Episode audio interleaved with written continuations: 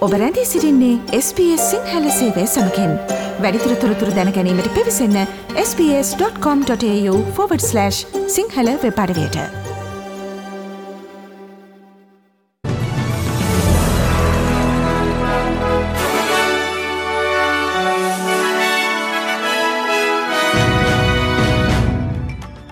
ප්‍රථමයෙන් සිරස්තල.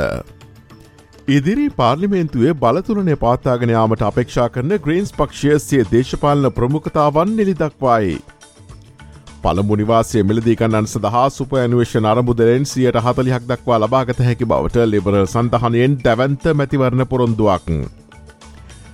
ඔස්ට්‍රේලියාවේ උසස් නිෂ්පාදන කර්මාන්තයට ඩොල බිලියන එක ආයෝජනයක් කිරීමට කම්කරුපක්ෂය පොරොන්දුවෙයි. ෆින්ලන්තය සහ ස්වීඩනය නේටෝ සංවිධානයේ සාමාජිකත්වය සඳහා අයදුම් කිරීමට තීරණය කරයි. මැතිවස්ගේ නොදැවුණු ශතකය හේතුවෙන් බංලාදේශයට එරහිව ශ්‍ර ලංකාව ප්‍රබල ආරම්භයක් ලබා ගනී.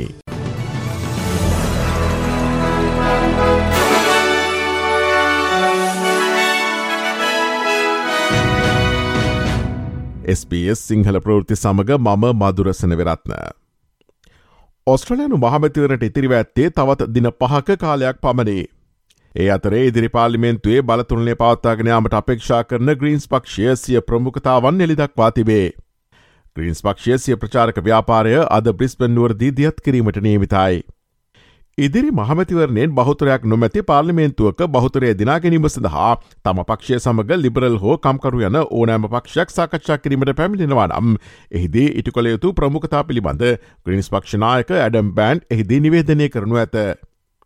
දේශකුනික විපරාස පිළිබඳ හදිසි ක්‍රියාමාර්ග ජීවන වේද මාර්බුදය සමඟ කටයුතු කිරීම සහ සදේශික ඔස්ට්‍රලනුවන්ගේ උළුරු ප්‍රකාශය වැඩිදිවුණු කිරීම ග්‍රීන්ස් පක්ෂය එහිදී ඉදිරිපත් කරන සිය ප්‍රධාන ප්‍රමුඛතාවන් වනු ඇත. මේ වන විට ග්‍රීන්ස් පක්ෂය ස්ට්‍රලන් මධ්‍යම පාලිමෙන්තුවේ පහළ මන්ත්‍රණ සභාවේ එක් ආසනයක්ද සෙනට් සභාවේ ආසරනාවයක්ද ලබාගෙන සිටේ. මේ අතර අගමැති ස්කොට් මොඩසන් බ්‍රිස්පන් නුවරදී අද දිනසිය මැතිවරණ ප්‍රචාරක කටයුතු ආරම්භ කිරීමට සැලසුම් කර ඇති අතර විපක්ෂනායක ඇතනි ඇල්බනිසි පර්ත් නුවර සිය ප්‍රචාරක කටයුතු ආරම්භ කිරීමට නීමිතයි. බ්‍රිස්පන් නුවරදී පැවති ලිබරල් පක්ෂයේ මැතිවරණ ප්‍රචාරණ රැස්සීමකදී අගමැති ස්කොට් මොඩිසන් ලිබරල් පක්ෂයේ නව නිවාස ප්‍රතිපත්තියක් හඳුන්වාදී තිබේ. සුපහෝම් බයස්කීම් යනුවෙන් හඳුන්වාදී ඇති මෙම වැඩස්ට්‍රහණ හරහා පළමු නිවාසය මිලදීකන්නන්ට ඔන්ගේ සුපෑනුවේෂන් අරමුදලෙන් සයට හතලිහක් දක්වා එනම් උපරිම ඩොල පනස්දහසක් දක්වා නිවස මිලදී ගැනීම සඳහා යෙද විය හැකිය. එළමෙන මහමතිවරණය ජයගත හොත් තම නවරජය ලබන වසරේ සිට මෙම ප්‍රතිපත්තිය ක්‍රියාත්මක කරන බවාගමැති මෝරිසන් පැවසීය. මෙය අලුතෙන් මිලට ගන්නා සහ දැනට මිලදීගෙන ඇති පළමු නිවාස යන දෙකට මාදාල වන බවත් ආයෝජනය කරන ලද මුදල ඔවුන් එම නිවස අලවි කළ පසු අදාළ පුද්ගලයාගේ සුපඇන්වේෂන් ගිනුමට අපසු ලබාදිය හැකි බවත් අගමැති මෝරිසන් වැඩිදුරටත් පැවසීය. Superannuation is there to help Australians in their retirement. The evidence shows that the best thing we can do to help Australians achieve financial security in their retirement is to help them own their own home. Morrison රජයේ මෙම නව නිවාස ප්‍රතිපත්තිය නිසා ස්ට්‍රලයාාවේ නිවාස මිල අධික් වනු ඇති බව කම්කරපක්ෂය පවසයි. සෝෂල් හවසින් සහ දැරිය හැකි මිලට නිවාස ලබාදීම සඳහා රජයක් වශයෙන් තවත් බොහෝදය කළ යුතු බව කම්කරු පක්ෂය නිවා සහ නිවස් නැතිවුවන් සම්බන්ධෙන් කටයුතු කරන ඡායාමාත්‍ය ජේසන් කලයා පවසයි. හවසිං ස්ට්‍රලයා ෆිච ෆන් නැමති අරමුදලක් සඳහා තම පක්ෂයේ ඩොල බිලියන දහයක යෝජනාවට ජේසන් කලයා අවධහන යොමු කළේය. එහි පළමුුවසර පහතුළ දැරිය හැකි මට්ටමේ සහ සෝෂල් හවසිං නිවාස තිස් දහසක් ඉදි කරන බව ඔහු ප්‍රකාශ කළේය. ගෘහස්ත ප්‍රචණ්ඩත්තෙන් පලායන කාන්තාවන් සහ ළමුන් කෙරෙහි එහිදී අවධානය යොමු කරන බවද ඔහු සඳහන් කළේය. Where do you think women go when they can't get into a refuge at night? They sleep in the car with the kids? Or they sleep on a friend's couch? Or they go back to where the violence was happening? We need to invest more in those urgent, immediate refuges. But we've got to do so much more than that. You talk to anybody in this area that knows what they're talking about, what they tell us is you need to build more transitional and permanent housing. Liberal සඳහන රජය නැමති motor රතේ රෝධ හැලමින් පවතින බව කම්කර පක්ෂනායක Anthony Albanese පවසයි. කම්කර පක්ෂය කුයින්ස්ලන්ත මැතිවරණ ප්‍රචාරණ ව්‍යාපාරය ඒ බ්‍රිස්පන් නුවරදී ආරම්භ කරමින් ඔහු මේ බව පැවසීය. හිටපු කම්කර පක්ෂනායක සහස්ට්‍රලන් වග්‍රා මාත්‍යය කෙවින් රඩ් බණ්ඩාකාරික කටයුතු පිළිබඳ කම්කර පක්ෂය ඡායාමාත්‍යය ජිම් චාමර්ස් බ්‍රිස්බෙන්නුවර කම්කර පක්ෂාපේක්ෂිකා මැඩෝනා ජෙරට් සහ කුයින්ස්ලන්ත ප්‍රාන්ත අගමැතිනී අනස්තේශ්‍ය පලාශයේ එම අවස්ථාවට එක්ව සිටියහ. කම්කර පක්ෂයේ ඉදිරි මැතිවරණයෙන් ජයග්‍රහණය කළ හොත් ඔස්ට්‍රලයාාවේ උසස් නිෂ්පාදන කර්මාතයට ඩොල බිලියන එක ආයෝජනයක් කිරීමට ඔවුන් එහිදී පොරොන්දුවිය. මෙම අරමුදල් ජාතියේ කාර්මික පදනම ගොඩනගන අතර ප්‍රවාහන ආරක්ෂාව ආහාර සැකසීම වෛද්‍ය විද්‍යාව සහ පුනර්ජනනය බලශක්තිය හරහා නවරැකි අවස්ථා නිර්මාණය කරන බව කම්කරු පක්ෂනායක ඇතනි ඇල්බනීසි පැවසීය. අගමැති මොරිසන් තමන්ව මෝටරත්තයකට ආදේශ කර ඇති බවත් ඒසේ නම් එම මෝටරත්තය දිගු කාලයක් තිස්සේ ඇනහිට ඇති බවත් කම්කරු පක්ෂනායක ඇල්බනිසි හිදි ප්‍රකාශ කළේය. He said he was a bulldozer, and when it was pointed out that a bulldozer kind of wrecks things, knocks things over, today he's changed again. Today he's likened himself to a car. well, if this government is a car, it's been stalled. For a long, long period of time. ඔස්ට්‍රලයානු මහමැතිවරණ ප්‍රචාරණ ව්‍යාපාරයේදී කෘෂිකර්මාන්තය කෙරෙහි අවධානය යොමු නොකිරීම හේතුවෙන් තමන් කලකිරීමට පත්ව සිටින බව ඔස්ට්‍රලියාවේ ජාතික ගොවි සම්මේලනය පවසයි. ජාතික ගොවි සම්මේලනය විසින් එක් එක් ප්‍රධාන පක්ෂවල ප්‍රතිපත්ති සංසන්ධනය කරමින් වාර්තාවක් නිකුත් කරතිබේ.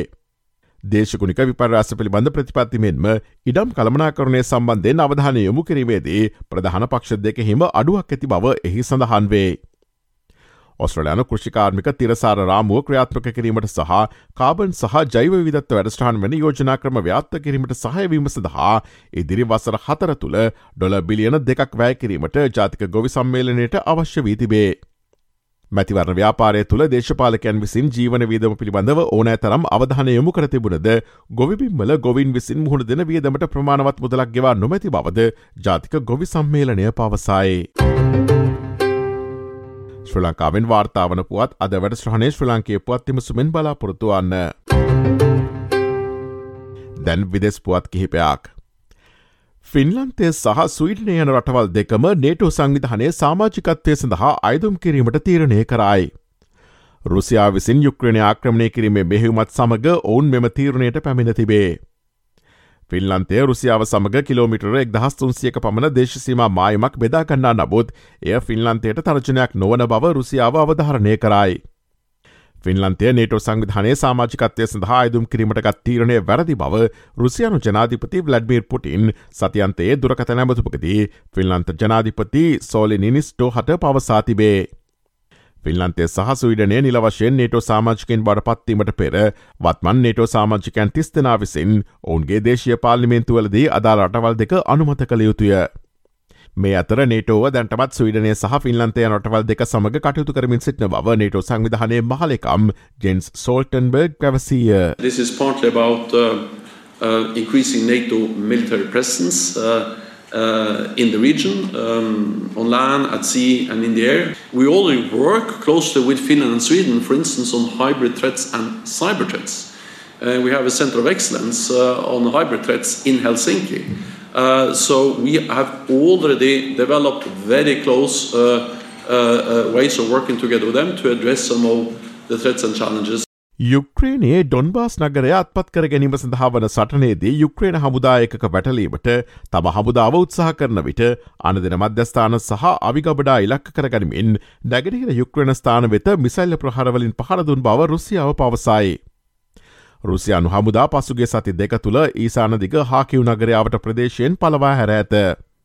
අප්‍රේල් මස ආරම්භේදී කියව් නගරයාවට ප්‍රදේශවලින් සහ යුක්්‍රේණයේ උතුරෙන් නිරපාහැරීමෙන් පසු ඔවුන්ගේ විශාලතම පසු බැස්ම ලෙස මෙය හැදින්වේ. රුසියාව දැන් ඩොන් බාස් ලෙස හඳුන්වන යුක්්‍රේණය නැගහිර පලාත් දෙක අල්ලා ගැනීමට උත්සහදරමින් සිටේ. දැන් ක්‍රීඩාපුවත් කිහිපයක්. ඇන්ජලෝ මැතිවස්ගේ නොදැවුණු ශතකය හේතුවෙන් බංග්ලාදේශ කණ්ඩෑමට එරහිව ඒ චිතකොන්හි ආරම්භෝ ශ්‍ර ලංකා බංගලාදේශ පළමු ටෙස්තනගේ පළමුනිම ක්‍රඩා කරන සංචාරක ශ්‍ර ලංකා කණ්ඩෑම කඩුළු හතරක් දැවී ලකුණු දෙසිය පනස් අටක් රැස් කිරීමට සමත්විය. පළමු දිනයට තරගේ නතර කරන විට ඇන්ජලෝ මැතිවස් ලකුණ එකසේ දා හතරක් සහ දිනෙශ් චන්දිමල් ලකුණු තිස් හතරක් රැස් කරමින් නොදැවේ කඩුල්ලේ රැඳී සිටියහ. පන්දු දෙසිය දහතුනකට මුහුණදුන් මැතිවස් හතරේ පහරදා හතරක් සහ හය පහරකින් තම ශතකය ලබාගත් අතර චන්දිමාල් පන්දු හැත්තෑ හතකදී තම ලකුණු තිස් හතරට හය පහරත් දෙකක් එල්ල කර තිබිණි. මැතිවස් ඒ වාර්තා කරනු ලැබුවේ තම ටෙස් දෙවියේ දොළොස්වනි ටෙස් ශතකයවේ. ඊයේ තරගේ කාසිය වාසිය දින පළමුුව පන්දුවට පහරදීමට තීරණය කළ ශ්‍ර ලංකානායක දිමුත් කරනවරත්න ඕෂධ ප්‍රනාාන්දු සමකින් ඉනිම ආරම්භ කළේය. කෙසේ වෙතත් තරගේ දිවාහරයට පෙර ඔවුන් දෙදෙනම පිටිය නිවත් කිරීමට නයිම් හසන් සමත් වූයේ මුල්ලකුණු හැටහයක් තුළදීය. ඉනිමේ පළමු කඩුල්ල ලෙස ලකුණු නවයක් රැස් කර සිටි නායක දිමුත් කරුණ රත්න දැවීගේ කඩුල්ල මුවා කිරීමේ වරදට හසුවමිනි. දෙවනි කඩුලට ලකුණු හතලෙස් තුනක සබත්තාවකින් අනතුරුව ඕෂතයටද දැවයාමට සිදුවිය. අනතුරුව තෙවැනි කඩුලට එක්වූ කුසල් මෙන්ඩිස් දැවීගේ අගනා ලකුණු පනස් හතරක් රැස් කරමිනි. අද තරගේ දෙවන දිනයවේ. කුයින්ස්ලන්ටේදී සිදු මාරක රියානතුරකින් ඔස්ට්‍රලයාාවේ හිටපු තුන්නිරියාව ක්‍රිකට් ක්‍රඩක ඇන්ඩරු සයිමන්ස් ජීවිතක්ෂයට පත්තිය. හතලිස් හයහැවරදි සයිමන්ස්ගේ මෙම මාරාන්තික රියානතුර පසුගේ සෙනසුරාදා පස්සරුවේ සිදුව ඇති බව වාර්තාවේ. ටවන්ස්විල් සිට කිලෝමිට පණහක් පමණ දුරින් හාවිරේන්ජ් ප්‍රදේශය සිදු මෙම අනතුර සම්බන්ධයෙන් කුයින්ස්ලන්ත පොලිසිය පරීක්ෂණ පවත්වායි. වසර එක්දහස් නවසය අනුවටේ සිට දෙදහස් නවේ දක්වා අන්තර්ජාතික ක්‍රිකට් පිටිය දස්කම්පෑ ඇන්ඩරු සයිමන්ස් ක්‍රිකට් ක්‍රඩාවේ සංස්කෘතික මිනිසෙකු ලෙස හඳුන්වනු ලැබුවේ ඔහුගේ උපත සහ හැදී වැඩීම විවිධ සම්බවහරහා පැමිණීම නිසාවෙනි. ඔස්ට්‍රලයානු ක්‍රිකට් ක්‍රඩාවේ තවත් විශිෂ්ටතම ක්‍රඩකේ ගෝස්ට්‍රලයාාවට අහිමිය ඇති බව ක්‍රිකට් ඔස්ට්‍රලයා ආයතනය නිවේදනයක් නිකුත් කරමින් කියා සිටියේය. ඇන්ඩු සයිමන් යනු ක්‍රිකට ලෝක කුසලන තරගාවලියේදී ඔස්ට්‍රලයාාවේ සාර්ථකත්වයට සහ කුයිස්ලන්තේ සාර්ථක ක්‍රිකට ඉතිහාසය කොටසක් ලෙසින් දායක වූ අධ්‍යතිය ක්‍රිකට් සලකුණක් බව ක්‍රිකට ඔස්ට්‍රලයා ආයතනයේ ලක්ලන් හැන්ඩසන් පැවසීය. ස්ට්‍රලන් ඩොලට සාපේක්ෂවත් දිනේ විනිම අනුපාතිකන් සටහන් වන්නේ මෙයාකාරෙන් ඇමරිකාන් ඩොල සත හැටනවයයි බ්‍රතාන්‍ය පවම් සත පනස් හතයි යුරෝ සත හැට හතයි ජපන්නෙන් අසු නවයයි සතසූ හතයි ශ්‍රණකරුපියල් දෙසිය හතලිස් නවයයි සත හැත්තෑ හයයි. ඔස්ට්‍රලයා පුරා දිනේ කාලගුණ තත්වය වාර්තාවන්නේ මෙයාකාරෙන් පර්ත් සෙල්සස් විසි දෙකයි තරමක් වලාකුළු සහිතයි. ඇඩිලිට් සහ මෙල්බන් දා හතයි මද වැසිඇතිවේ හෝබාඩ් සෙල්සිස් දහත්තුනයි මද වැසිඇතිවේ කැන්බර දා හතයි තරමක් වලාකුළු සහිතයි. සිඩ්නේ විසි හතරයි ආලොකුමත්දිනයක් බ්‍රිස්පෙන් සෙල්සස් විසි අටයි මද වැසි ඇතිවේ. ඩාවින් තිස්තුනයි ආලොකුමත්දිනයක්. කොළඹ හතදසන්න ප්‍රදේශවල අද කාලගුණය සෙල්සස් විසි හයත් විසි නවයත් අතර වැසි ඇතිවීමට ඉඩතිබේ.